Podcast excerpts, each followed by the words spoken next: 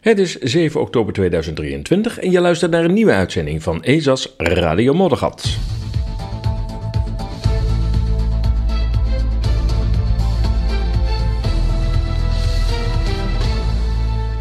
Ja, daar zijn we dan weer met Radio Moddergat. De koffie staat weer klaar, die uh, geurt en dampt. En dat is toch twee belangrijke facetten van uh, koffie, zou je zo uh, zeggen.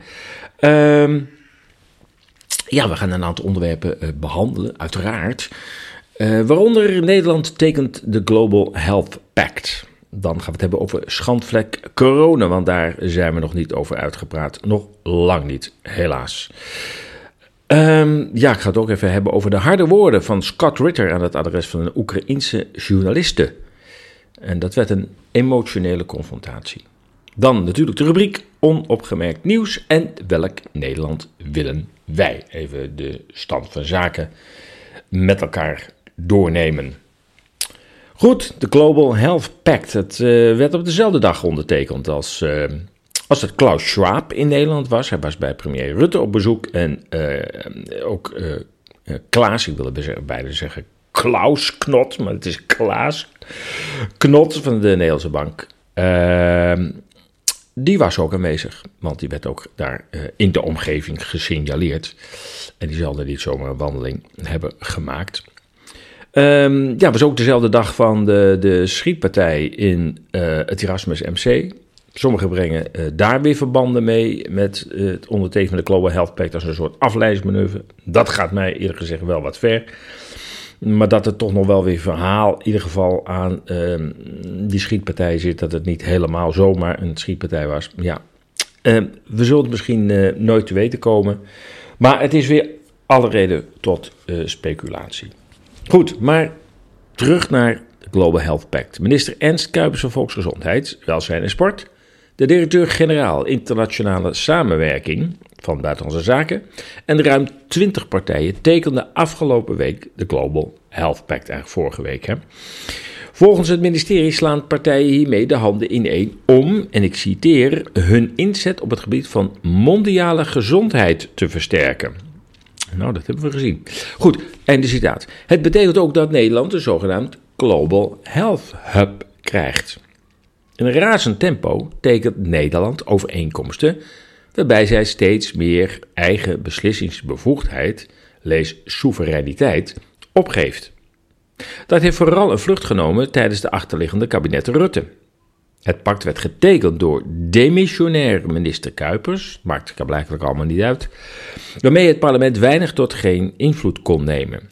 De ondertekening viel op dezelfde dag dat het World Economic Forum voorman Klaus Schwab bij premier Rutte was en zoals ik al zei ook Klaas, Klaas uh, Knot was daarbij aanwezig. En, jawel, Nederland krijgt weer een hub. Oh jongen, het wordt, het één grote hub hier in Nederland. Na toekenning van het WEF Food Innovation Hub aan Nederland, met als vestigingsplaats Wageningen, volgt nu ook deze Global Health Hub waarmee Nederland steeds meer globalistische organisaties naar zich toe haalt. Volgens het ministerie is de Global Health Hub Nederland opgericht, en ik citeer, om een voorloper te zijn in de organisatie van wereldwijde gezondheidszorg. De hub verenigt daardoor, of daarvoor onder andere kennisinstituten, academici, NGO's, daar heb je ze weer, topsectoren, jongeren, Hmm, in dat rijtje een beetje vreemd eend in de bijt, maar dat is er niet min. Vernieuwers en denktanks, ouderen staan er niet bij, die actief zijn op het gebied van mondiale gezondheid. Door krachten te bundelen dragen de partners van de Global Health Hub Nederland samen bij. Daarbij, de, de, die zin is niet helemaal. Nou daarmee draagt de Global Health Hub bij aan die wereldwijde gezondheidszorg. Oh ja, dat zijn de drie punten, daar, daar moeten we het over hebben. Want die, die hub gaat dus drie eh, belangrijke functies krijgen. Nou, wat ik zei, het versterken van de mondiale gezondheidsarchitectuur. Jawel, let even op, nieuwe woorden, nieuwe begrippen. En nationale gezondheidssystemen. Kijk, Daar zijn we straks dus ook niet meer autonoom in, hoe we ons eigen gezondheidssysteem inrichten. Maar af en toe een slok, want anders wordt die koud. Dat is natuurlijk ook zonde. Twee, het verbeteren van de internationale pandemische paraatheid, ook zo'n toverwoord, zo'n buzzwoord. En het minimaliseren van grensoverschrijdende gezondheidsdreigingen. Het minimaliseren van grensoverschrijdende gezondheidsdreigingen. Nou, ik voel alweer grenscontroles aankomen. En het adresseren van impact van klimaatverandering op volksgezondheid en vice versa. Staat dat er echt? Dus de, de adresseren van de impact van klimaatverandering op de volksgezondheid. En daarmee worden die twee dingen aan elkaar geknoopt. Ehm, ja, als je het allemaal heel ver zoekt, dan uh, kun je ook dingen aan elkaar knopen. Je kunt ook ziek worden van uh, bepaalde weertypes. Maar hier worden dus verschillende systemen in elkaar gegoten en dus ook verschillende sets van argumenten om straks allerlei maatregelen te nemen. Maar wat natuurlijk best wel vreemd is, dat er staat en vice versa.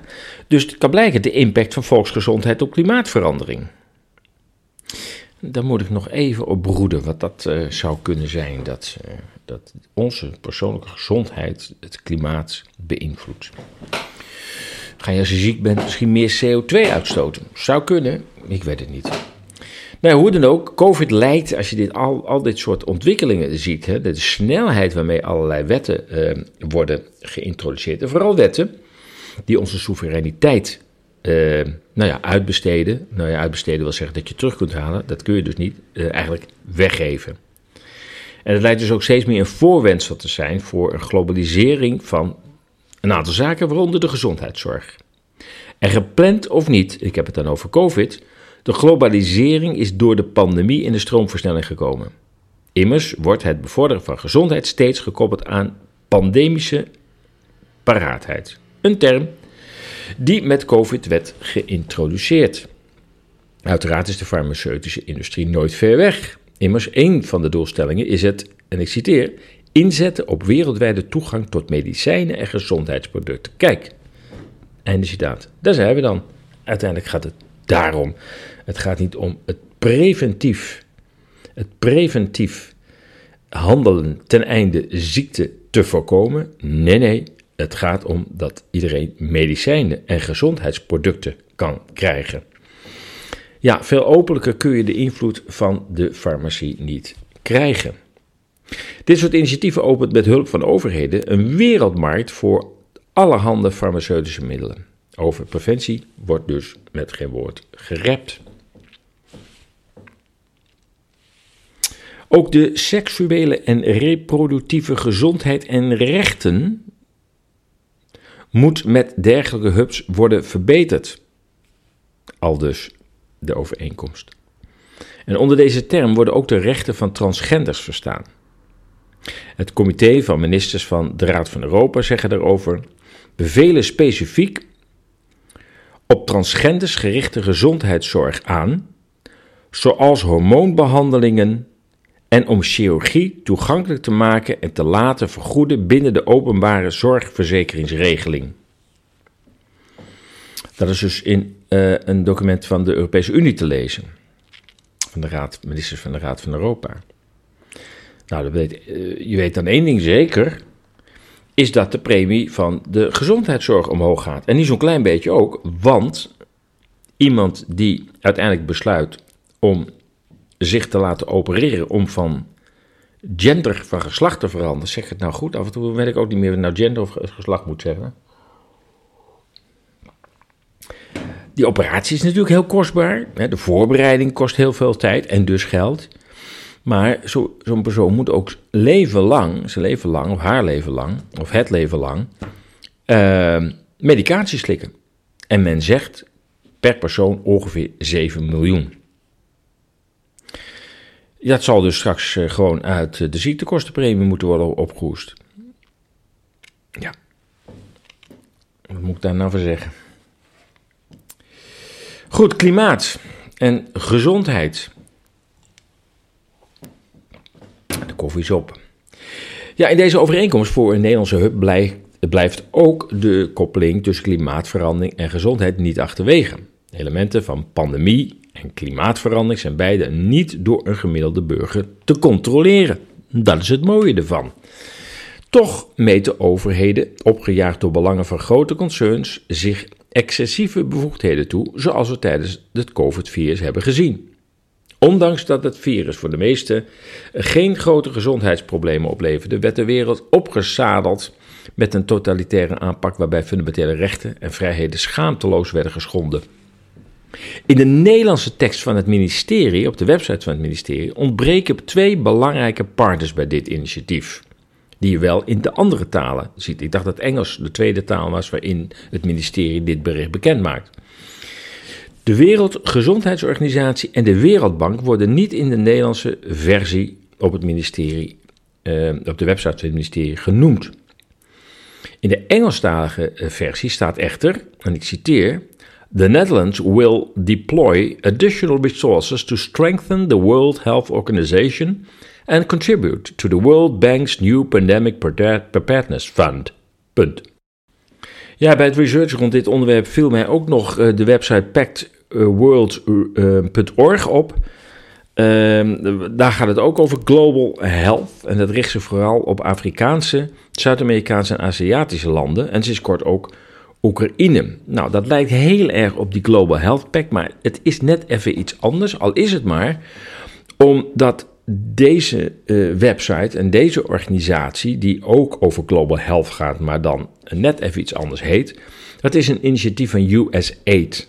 En uh, officieel betekent, heet dat uh, hulp van het Amerikaanse volk. Maar USAID is een onderdeel van de CIA en verantwoordelijk voor politieke interventies. En zo zie je maar dat de CIA dus ook gezondheid gebruikt om politieke invloed in landen te krijgen.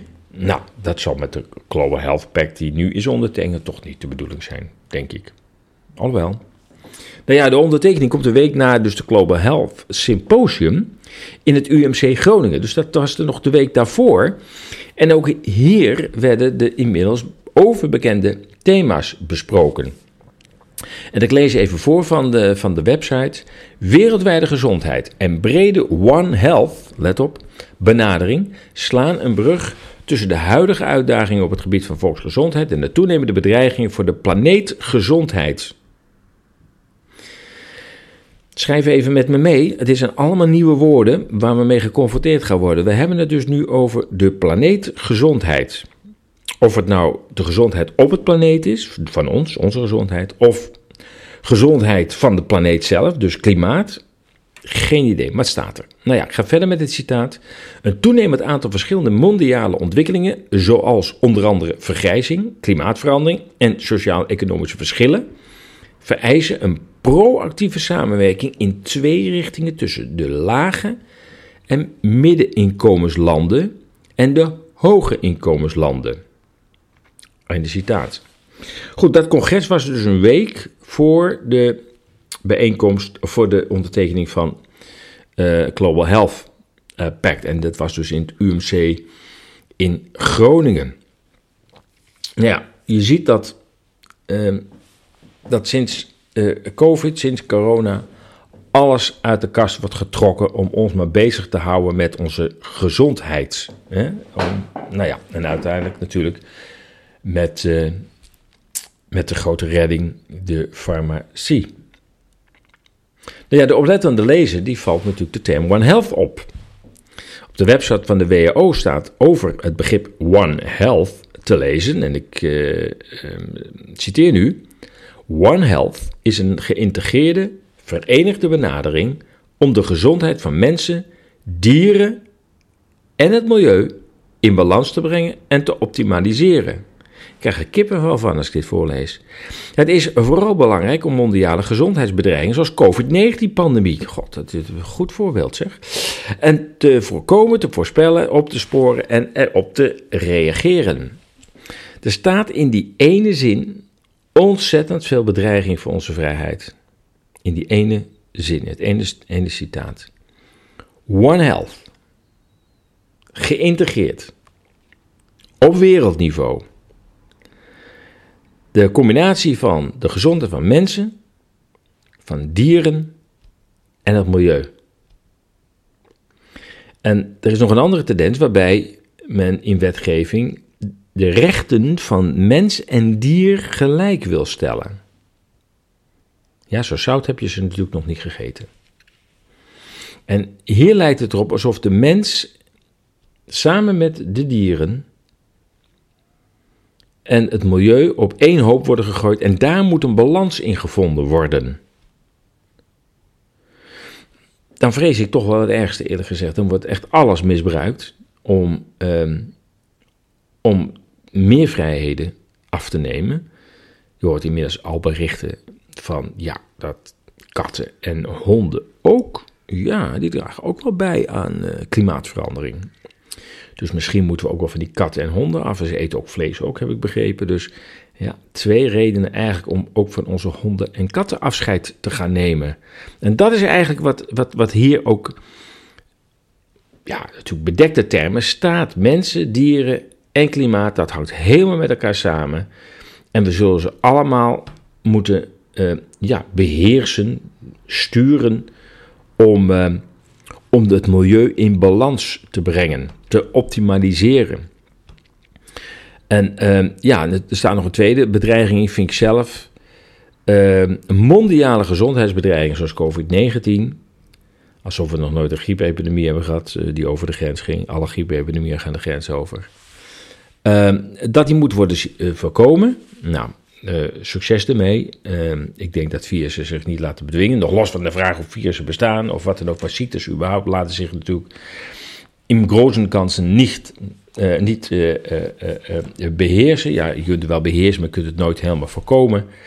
En ze op te sporen, nou ja, dan krijg je dus een surveillance ehm, systeem op grond van de, ja, het, bestrijden, het voorkomen van de pandemie. Nou, door die angst maar op peil te houden, uh, uh, wordt ons straks waarschijnlijk weer een heel nieuwe set van maatregelen uh, door de straat geduwd. die onze vrijheden en misschien ook de plezier in het leven verder gaan ontnemen. Nou, het is in ieder geval duidelijk dat COVID-19 is een kapstok voor echt alles.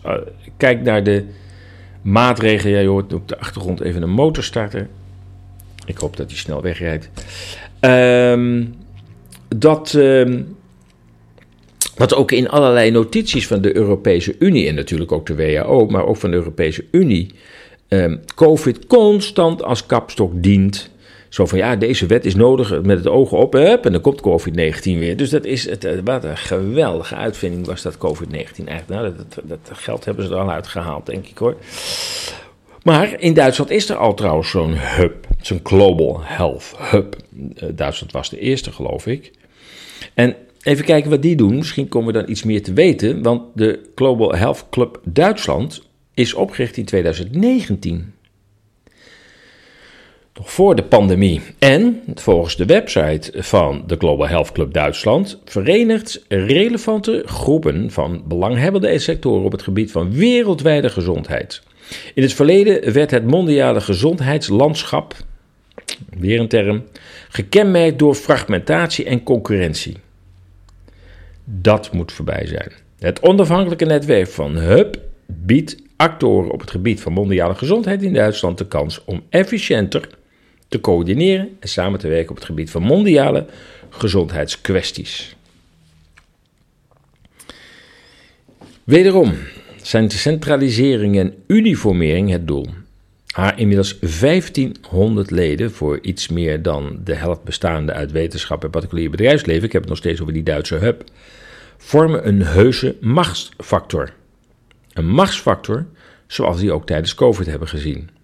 De wetenschap die de politiek en media kritiekloos op sleepdown nam naar een dystopische gezondheidsmaatschappij van mondkappen, lockdowns, avondklokken, afstand houden en verbod op bezoek in huis. Zo'n club wordt nu gesmeed in zo'n local, want dat is dan eigenlijk maar even local uh, health hub. En de Duitse uh, health hub steekt haar politieke doelen dan ook niet onder stoelen of banken. En zegt gewoon op de website: het interdisciplinaire en sectoroverschrijdende karakter van onze ongeveer 1500 leden geeft politieke besluitvormers niet alleen een unieke basis om toegang te krijgen tot een breed scala aan expertise, maar ook om te leren over en te profileren van de veelheid aan perspectieven en debatten. Nou ja, einde citaat. Als er iets niet is geweest tijdens het COVID, dan waren het wel debatten. En ik geloof ook niet dat deze door de WHO aangestuurde clubs en hubs, uh, dat die het debat gaan vergroten. Absoluut niet. En als er een debat komt, dan is het binnen de brandbereidte van de farmacie. Moeten we de prik nu geven of over twee maanden? Moet u één prik, twee prikken, drie of vier prikken hebben? Als er debatten zijn, dan zal het in die bandbreedte zijn, maar niet van zijn die prikken wel nodig? Kunnen we ook dit soort ziektes voorkomen? Wat kunnen mensen zelf aan hun gezondheid uh, doen? Nou ja, uh, wat we hebben gezien was dat het een, een, een dictaat werd van de wetenschap met maatschappelijke ontwrichting, sociaal en economisch tot gevolg. Het waren zeer profijtelijke jaren, want Big Pharma verdiende zo slordig 100 miljard aan het virus en de teller loopt nog op, want de prikzalen zijn weer open. En de meest kwetsbare, mensen boven de 60 wordt gezegd, die zijn weer uitgenodigd. Maar ja, als je praat over een prik met mogelijke bijwerkingen, dan zijn de meest kwetsbaren ook daarvoor het meest kwetsbaar. Hè? Dat gaat wel samen. Als je het meest kwetsbaar bent voor virussen, ben je ook het meest kwetsbaar voor bijwerkingen. Maar als je een prik krijgt, dan weet je dat je de prik hebt gehad. Maar als je hem niet krijgt, weet je niet of je dat virus oploopt. Dus ja, ik denk iedereen moet maar zijn eigen risicoafweging uh, maken. Maar uh, ja, ik, ik, ik, had toch gehoopt dat we nu wat kritischer zouden zijn ten opzichte van deze hele prikpandemie. Um, en zeker omdat natuurlijk um, de, de, overheid gewoon alle onderzoek naar mogelijke gevolgen ten aanzien van, van, van ziekte en oversterfte voor zich uitschuift. Of liefst eigenlijk meteen helemaal de nek om zou draaien. Ja, um, het artikel op de website over dit onderwerp werd ook voorzien van een reactie van iemand. En die zei, en ik citeer: Zijn de huidige besprekingen van de Pandemic Preparedness and Response en de International Health Regulation Amendments van de W die nog niet zo erg vlot gaan? Dan misschien een afleider voor wat er nu werkelijk aan het gebeuren is via Rutte en Klaus Schwab en de Health Hubs. Ja, dat is een beetje het punt natuurlijk waar we het uh, steeds over hebben: van wat is nou, wat is nou de, de werkelijke uh, trend en gebeurtenis en wat is nou afleiding daarvan? Ik weet het niet. Volgens mij worden we constant afgeleid met van alles en nog wat. En gebeuren er ook heel veel zaken die, ja, die het leven er niet prettig op maken. Ik denk dat dat wel gezegd kan worden. Ik wil niet zeggen dat het altijd zo blijft, maar voorlopig gaan we nog een beetje die kant op. Goed, corona, ja, daar is die dan weer.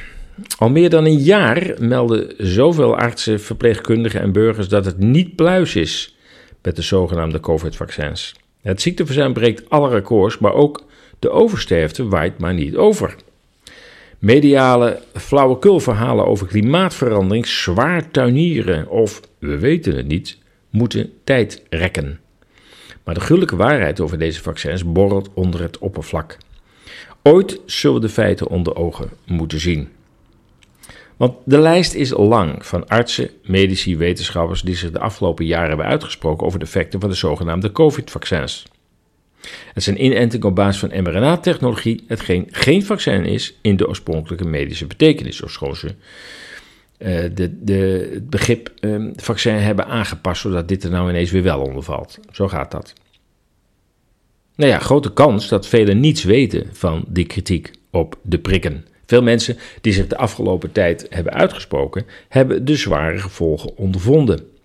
Velen zijn op een zijspoor gezet, hun bevoegdheden ontnomen of gewoon weg ontslagen.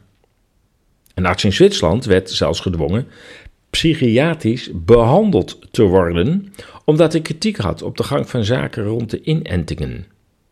En een directeur van, een van de Duitse ziekenfondsen die meldde dat er naar schatting 3 miljoen Duitsers zich bij huisartsen met bijwerkingen hadden gemeld. Die werd onmiddellijk ontslagen. Ja, in die Expose, een, uh, een, een alternatieve uh, online krant, maar volgens mij wordt die ook gedrukt uit Engeland, als ik het goed heb.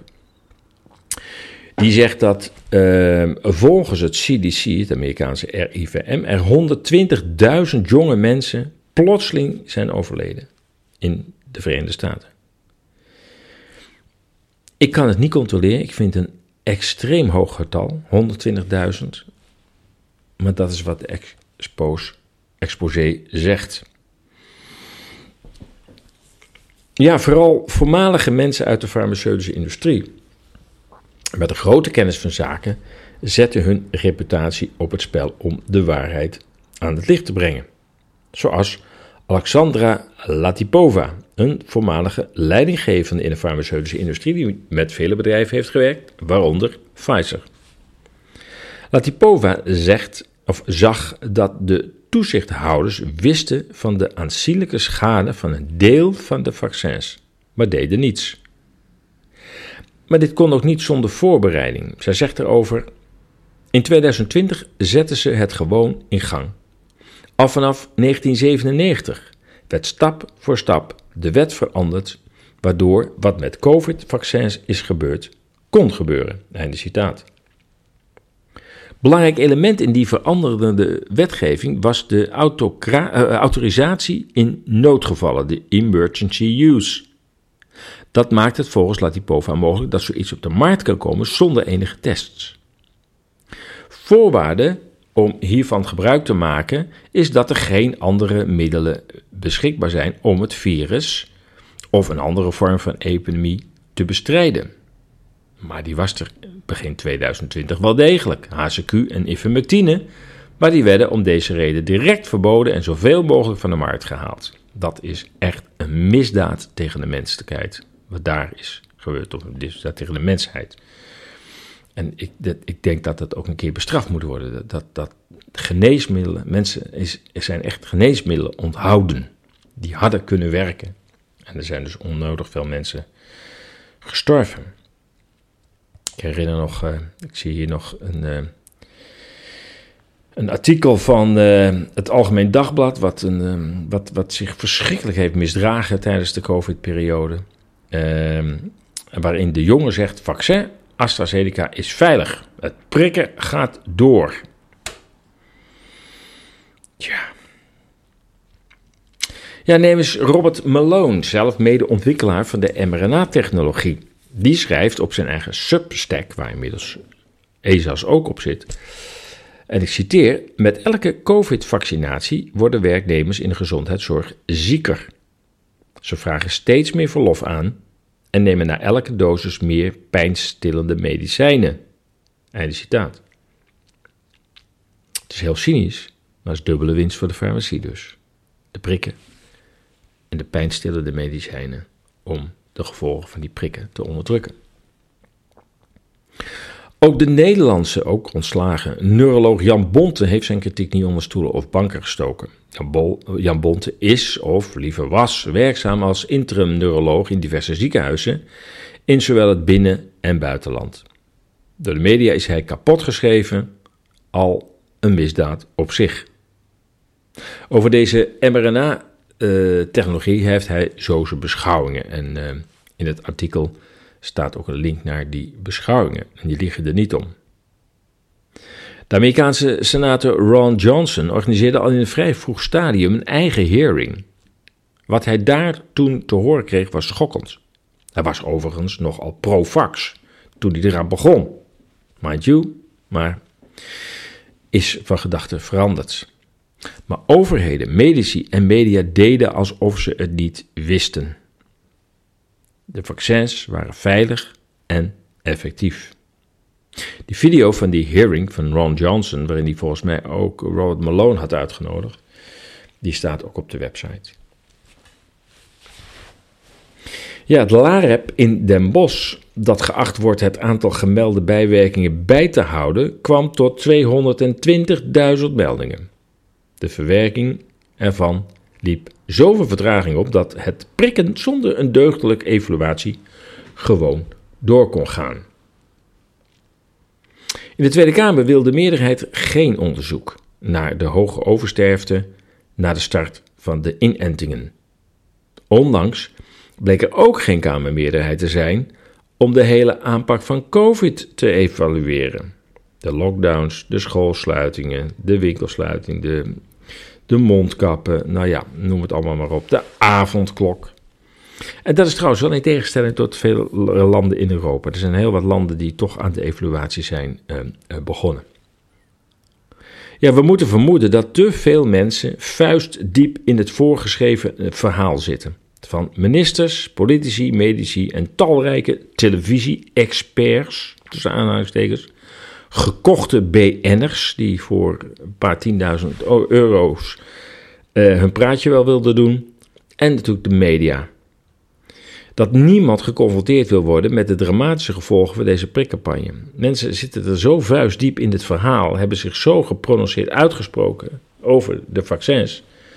Dat ja, ik kan me voorstellen dat ja, psychologisch deze, deze mensen ehm, ja, niet van die trap af kunnen dalen en zeggen: oh, ja, ik, misschien heb ik het toch niet helemaal bij het goede eind gehad.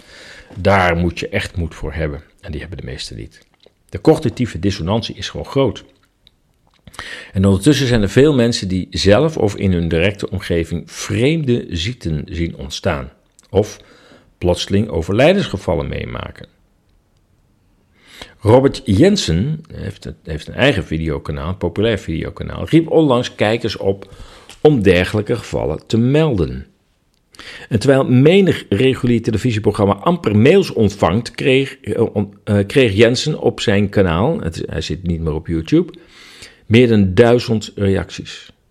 Een deel las hij voor in een uitzending, en dat is uitzending 588, dus je kunt die uitzending zien in Jensen, op jensen.nl en dan de uitzending 588. Laat het even op je inwerkingen en, en werken. Eén e-mail lees ik even voor die hij ook voorlas in de, in de uitzending. Beste Robert, de lijst met vaccinatieschade is ongekend lang in mijn omgeving. Moeder, 78 jaar, agressieve borstkanker. Schoonmoeder ALS binnen een half jaar overleden. Collega 53 jaar, plotseling dood. Buurvrouw schoonzus 55 jaar, plotseling overleden. Broer collega slokdarmkanker. Oud buurmeisje 58 jaar, nierkanker en binnen drie maanden dood. Ander oud buurmeisje 57 jaar, onbehandelbaar darmkanker. Boekhouder, melanoom. Vader van kennis, blaaskanker, longembolie, herseninfarct en melanoom. Ja, ja, het hele pakket. Buurvrouw van mijn moeder, baarmoederslijmvlieskanker. Ja, natuurlijk. Niet alle geconstateerde ziektes en overlijdens eh, die hier gemeld worden, zullen direct aan de vaccins zijn toe te schrijven. Onderzoeken wijzen uit dat ongeveer 5% van de badges, zendingen zijn dat van prikken, problematisch zijn. Die andere 95% zouden weinig tot geen bijwerkingen hebben veroorzaakt. Sommige critici stellen dat de meesten dan ook geen baat hebben gehad bij die prik, omdat er mogelijkerwijs, ik zeg het heel voorzichtig, een zoutoplossing in heeft gezeten of een vrij onschuldige dosering. Het aantal en de omstandigheden zijn echter dusdanig dat er weinig ruimte overblijft om een stevige rol van de prikken af te wijzen. En ja, uitgerekend de Duitse farmacie, farmacie het is een, dit is een brancheorganisatie van Duitse farmaciebedrijven. En die Duitse farmaciebedrijven hebben een hele grote rol gehad in, in de, de, de COVID-prikkerij. Um, die brengen, uh, uh, dacht per kwartaal een rapport uit over de economische situatie in, uh, in Duitsland. Uh, en daar lees ik uh, ook een paragraaf over ziekte. En let op, dit is de brancheorganisatie van farmaceutische bedrijven in Duitsland. En ze schrijven daarin: het ziektecijfer fluctueert seizoensgebonden met een jaarlijks gemiddelde van ruim 4%. Terwijl de jaren 2020 en 2021 bijna volledig binnen dit bereik bleven, werd het afgelopen jaar gekenmerkt door een uitzonderlijk hoog ziekteverzuim. In december 2022 werd een recordwaarde geregistreerd, die in maart 2023 werd overschreden. Einde citaat. Dat wel, de jaren 2020 en 2021 geen opvallend ziekteverzuim. Dat waren de jaren van COVID. Geen opvallend ziekteverzuim. Er was ook geen oversterfte. De begrafenisondernemers had als een aantal meldingen van begrafenisondernemers die in dat jaar, het heeft zelfs in dat verschrikkelijke AD gestaan, hadden het niet druk.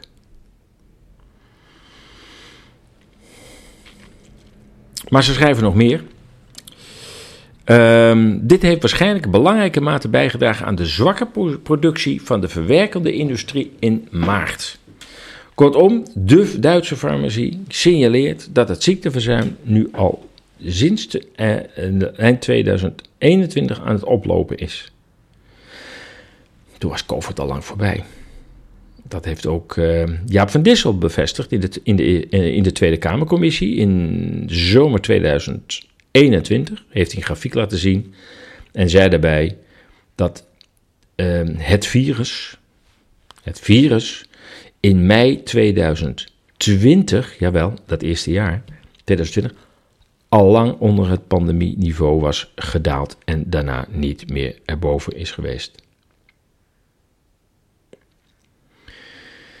Ja, maar in de Duitse media zie je hier en daar ook toch wel verbazing over dat buitensporig snel stijgend ziekteverzuim. De vele critici op het bizarre prikbeleid, waarbij mensen meerdere malen werden opgeroepen en onder druk werden gezet om meervoudige experimentele mRNA in te laten spuiten, zullen nu opmerken dat de farmacie-industrie klaart over iets dat mogelijk door die massale inentingen is veroorzaakt. Nou ja, de openbaringen die, eh, die struikelen over elkaar heen. Ik merk nog steeds dat mensen die gewoon de mainstream media volgen echt niet weten waar je het over hebt. En ja, allerlei redenen verzinnen. Van ja, nee, maar dat is, dat is long covid en er is nog een nawerking van. En ik kan me ook voorstellen, nogmaals, als je zelf uh, al vijf prikken achter de kiezen hebt, of al zijn het er maar drie. Ja, je wilt toch het gevoel hebben dat je een juiste beslissing hebt genomen. En alle informatie die erop duidt dat je misschien wel een hele cruciale vergissing hebt gemaakt, die sluit je uit. Ik, ja, dat snap ik wel. het is bijna niet te je kunt bijna niet eisen van iemand dat hij dat gaat toegeven.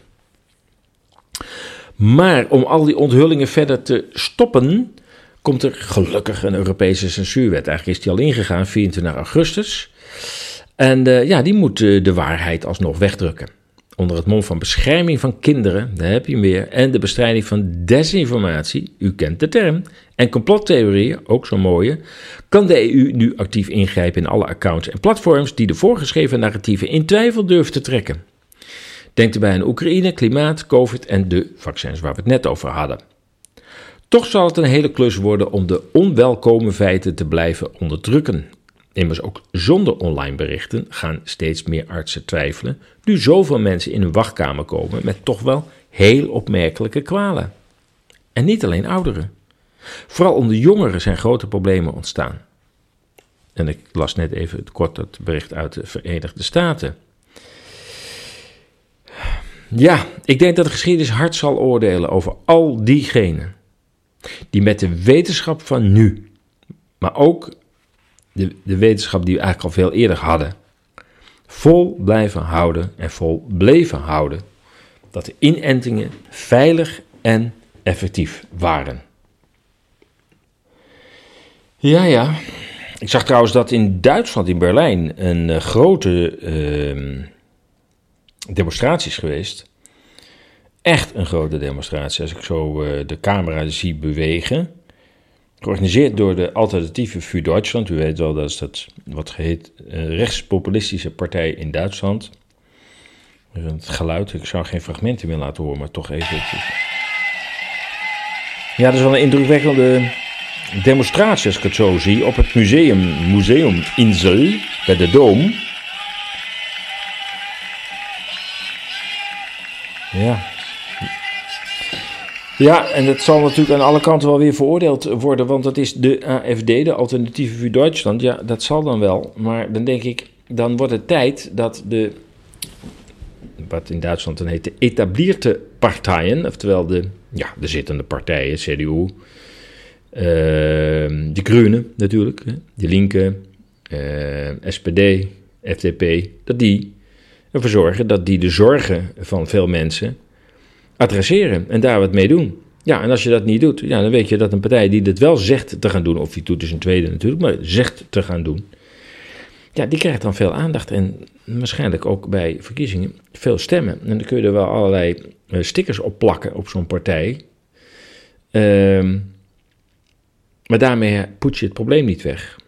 Ik blijf het overigens opvallend vinden dat in, de, in, in, in Duitsland die AFD dus nu ruim 20, 22 procent scoort.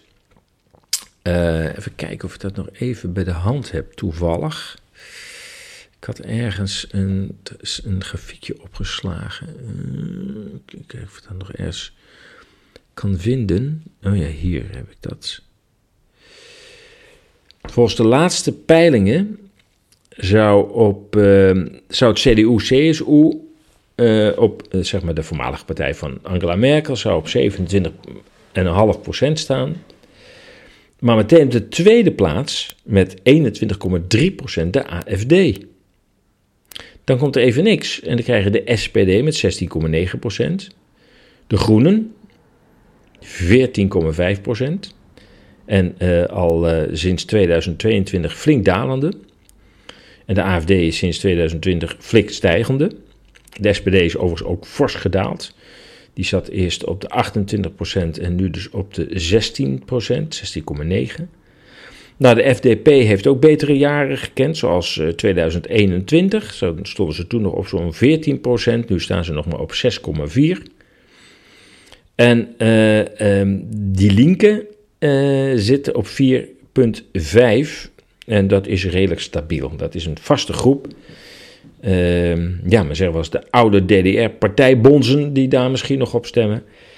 Uh, en die, uh, ja, die blijven wel tamelijk trouw, want dat percentage dat schommelt wel, maar altijd wel rond die 4 procent. Maar goed, AFD de tweede plaats met 21,3 procent en dat, dat zegt iets. Uh, en ja, je ziet de media daar, zeker in Duitsland, verschrikkelijk verkrampt op reageren. En ik denk, ja, dat kun je wel doen. Maar misschien is het eens goed om eens met die mensen te gaan praten. En ik heb ook een, een keer een artikel van, uit de Berliner Zeitung uh, gelezen. Waarin die toch zei van, ja, misschien moeten we toch eens wat beter gaan luisteren naar die mensen. Toen dacht ik, oké, oké, het begin is er.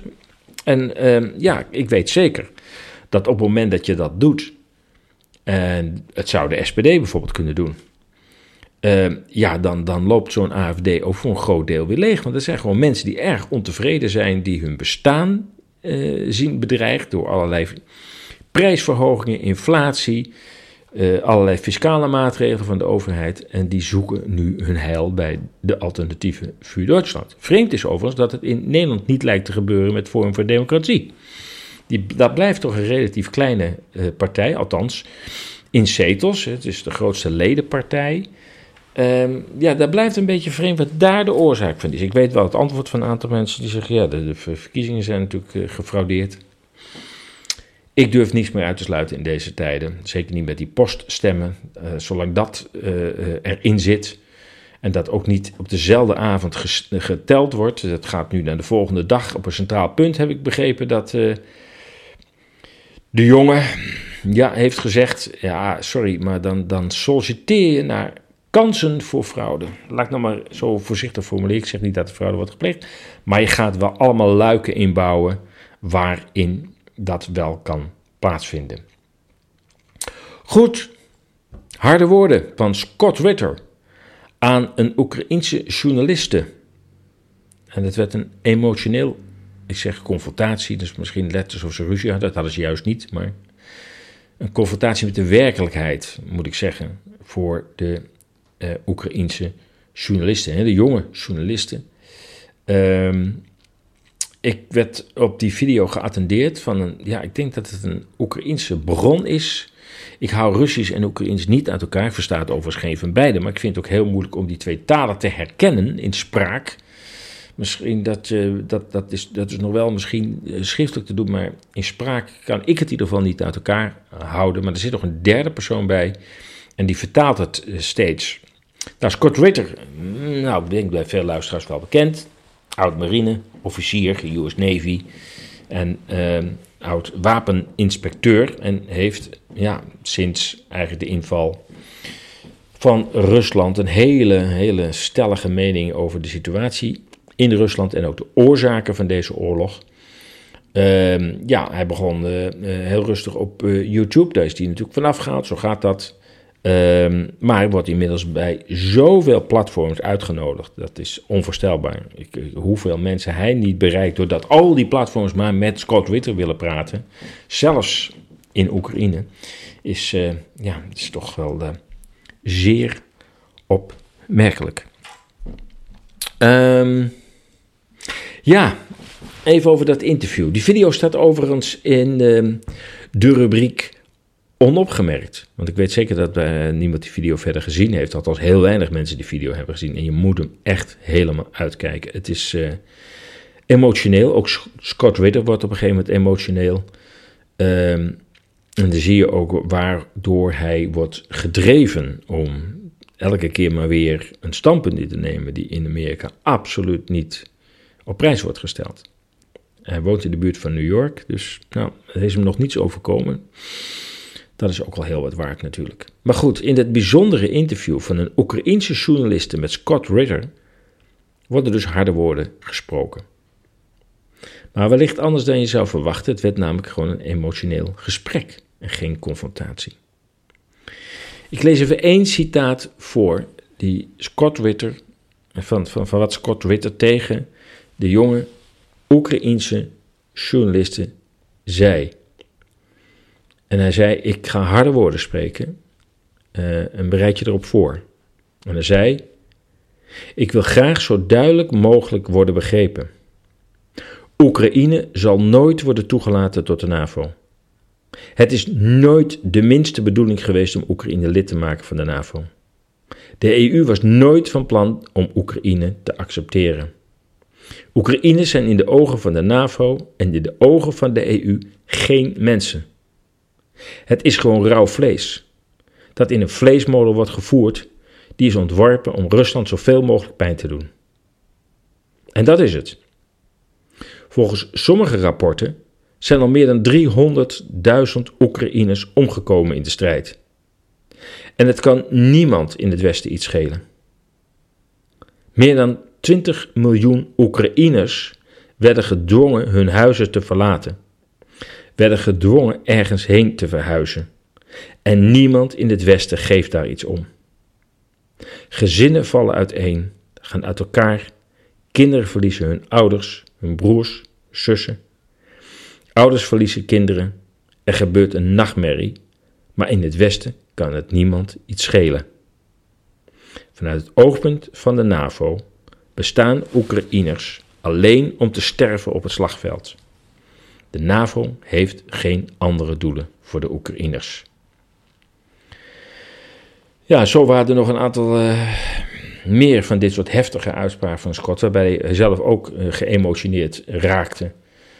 Um, geëmotioneerd uit woede, omdat hij ja, met zijn uh, statements op video strijd tegen de voortgaande oorlog die en onnodig was uh, en ook zo zou kunnen worden beëindigd. Uh, ja, en wie zegt, ja, als Rusland zich gewoon nou terugtrekt, is het klaar. Die begrijpt niet wat de oorzaak is van deze oorlog. En ja, dat is dan toch een beetje de, hoe moet ik dat zeggen, de wetenschap, de mening van het schoolplein. Nou, als Rusland nou gewoon stopt, die, ja, die, heeft het toch, die heeft het toch als eerste gedaan. Die is toch de schuldige. Als die daar gewoon terug is het toch voorbij. Dan denk ik, ja, dan heb je geen idee wat zich daar heeft afgespeeld voordat Rusland Oekraïne binnenviel. Ja, over de toekomst van, uh, van Oekraïne, uh, ja, had hij ook niet bepaald een, een lonkend perspectief voor de journalisten, de Oekraïnse journalisten, om te vertellen. En hij zegt, ja, ik, ik, ik denk dat Oekraïne zal straks alleen nog, als, als, als het nu niet stopt, zegt hij, als dat de Russen gaan dan Odessa innemen, zullen de toegang tot de Zwarte Zee gaan blokkeren voor Oekraïne. Um, West-Oekraïne zal waarschijnlijk naar Polen gaan, daar schijnt al over gesproken te worden. Het oosten van Oekraïne en de Krim zal door Rusland never, nooit worden teruggegeven. Ehm, dat heeft allerlei redenen. Ehm, en ja, zegt hij, dan hou het midden over. Hij zegt, maar het midden heeft geen middelen om als zelfstandige staat nog verder te gaan. Ja, het is een hele, hele, hele zwarte uh, perspectief voor Oekraïne. En ik, ik voel de woede ook van, uh, van Scott Ritter. Dat hij niet begrijpt dat we maar blijven roepen. Wapens sturen, wapens sturen. En niet zien hoe wij bijdragen aan de sloop van een van oorsprong rijk land in grondstoffen, rijk land in landbouwgronden. Het land had schatrijk kunnen zijn. En we slopen het tot op het bot. 20 miljoen mensen zijn uit Oekraïne. Dan honderdduizenden doden. Honderdduizenden mensen, jongeren, die invalide zijn geworden. Ja, ik heb er geen woorden voor. Goed, de link eh, naar uh, het gesprek uh, staat dus in de rubriek onopgemerkt van afgelopen vrijdag op ezas.nl of ezas.substack.com. Ja, verder nog in de rubriek de Neue Zürcher Zeitung. Dat is niet bepaald een revolutionair blaadje. Dat is een regeringstrouwe krant, zou je kunnen zeggen, in Zwitserland. Die, die heeft een artikel geplaatst ehm, van een inzender, maar desalniettemin, de, groot in de krant staat het dat ze spreken over een groene illusie. En ze spreken over wetenschappelijk bedrog. En toch denken veel mensen dat omdat de groenen het hardst waarschuwen voor de klimaatcrisis, ze ook de juiste recepten hebben. Dat is de grote groene leugen, zegt dat artikel in de Neue Zürcher Zeitung. En ondertussen moet iedereen die nog voor de media wil blijven werken nog even net doen of hij het allemaal gelooft. En ook in de rubriek onopgemerkt, Musk heeft een aanvaring met Duitsland. Via zijn Twitter, die hij overigens steeds meer, en dat vind ik echt wel een beetje problematisch aan het worden, voor zijn eigen politieke doeleinden uh, uh, inzet. Ehm, maar goed, in, in, in, een post op zijn eigen X vorige week uitte Musk kritiek op de door Duitsland gefinancierde reddingsoperaties van vluchtelingen in het Middellandse zeegebied. En de vraag opgeworpen of het Duitse publiek hiervan op de hoogte was. Het Duitse ministerie van Buitenlandse Zaken antwoordde ja, en het heet levensredden. Ja, een directe confrontatie tussen het ministerie van Buitenlandse Zaken uh, in Duitsland en uh, Elon uh, Musk.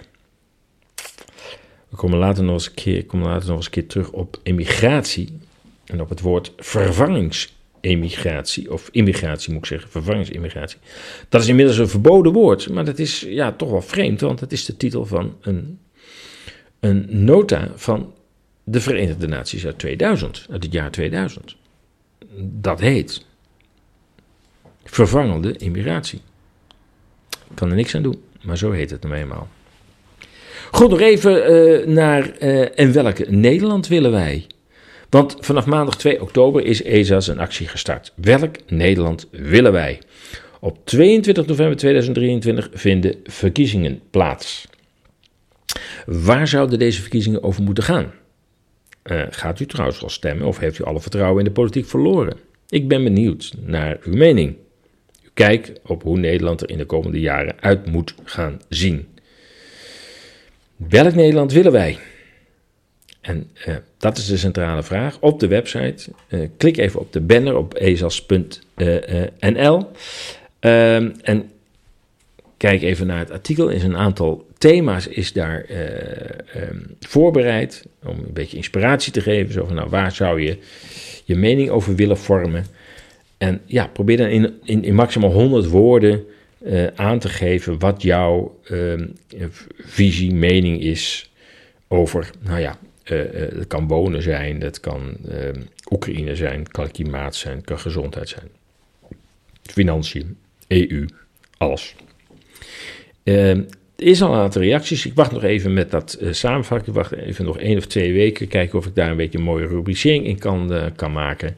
En dan kom ik daar heel graag op terug. En inmiddels zijn we al op 55 minuten aangekomen. Het moet niet gekker worden. Maar zullen we maar eens gaan, uh, gaan afronden? Ik denk het wel, hè? Laten we dat maar doen.